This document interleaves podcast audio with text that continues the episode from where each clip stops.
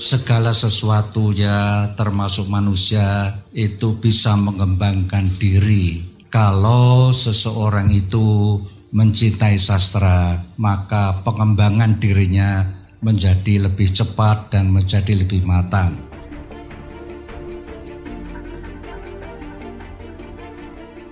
Berdasarkan penelitian dari dua orang terkenal, yaitu Rene Wellek dan Austin Warren. Buku pertamanya itu ditulis pada tahun sekitar 1949, diterbitkan terus.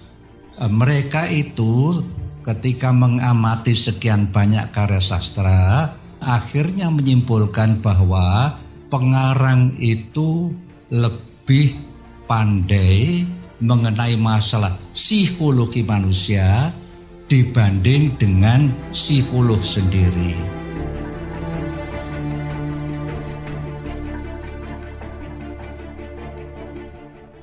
A writer is not a professional psychologist.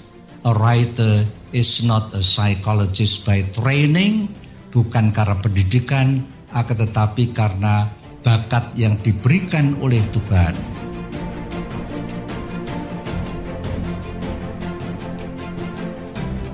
Dan kita sering melihat ya, dulu terutama anak-anak kecil yang berjalannya tertatih-tatih karena kakinya e, mengecil. Itu kita tahu namanya adalah penyakit polio. Lalu siapakah yang menemukan serum untuk menyembuhkan polio?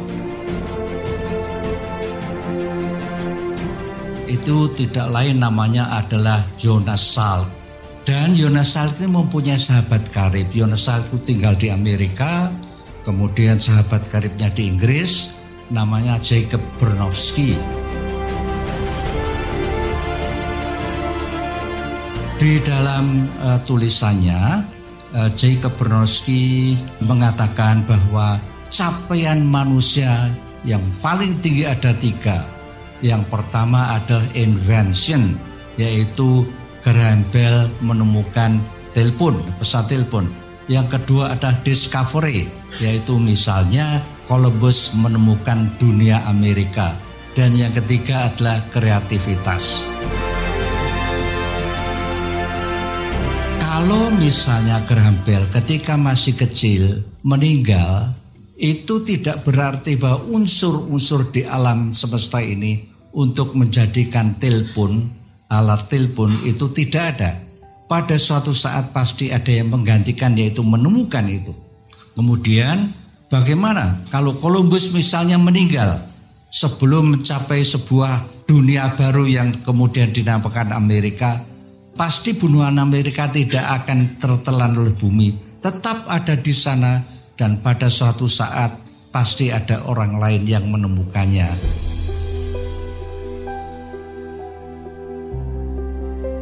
Lalu menurut Bernopsi yang paling tinggi adalah kreativitas, yaitu William Shakespeare menulis karya-karyanya sebetulnya bukan karangan dia sendiri. Misalnya Romeo and Juliet itu adalah cerita rakyat dari Verona, Italia.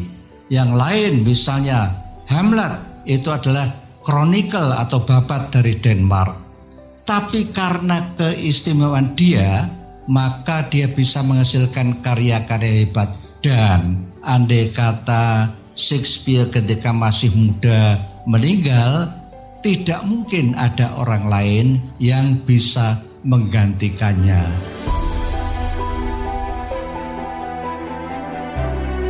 Karena itu sifatnya sangat personal, tidak mungkin digantikan orang lain.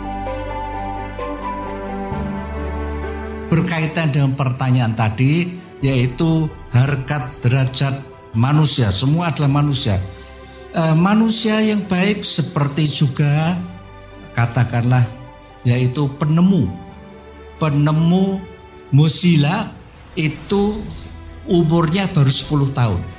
Diluncurkan bersama temannya ketika dia berumur 11 tahun. Karena itu ada Mozilla Firefox anak ini kecuali utek-utek banyak gadget atau gawe, dia juga mereka juga mempunyai kecintaan pada sastra. Dan kalau kita lihat orang-orang besar seperti misal Bung Karno, Churchill dan sebagainya, mereka ini pada waktu-waktu tertentu membaca karya-karya sastra yang baik. Dan kita sekarang sudah mempunyai yaitu anak-anak muda yang tergabung dalam Goodreads. Oh, komentarnya sangat bagus, kritiknya sangat bagus. Dan inilah bibit-bibit baik untuk masa depan. Jadi kita optimistis dalam menghadapi masa depan dalam hubungnya dengan anak-anak muda.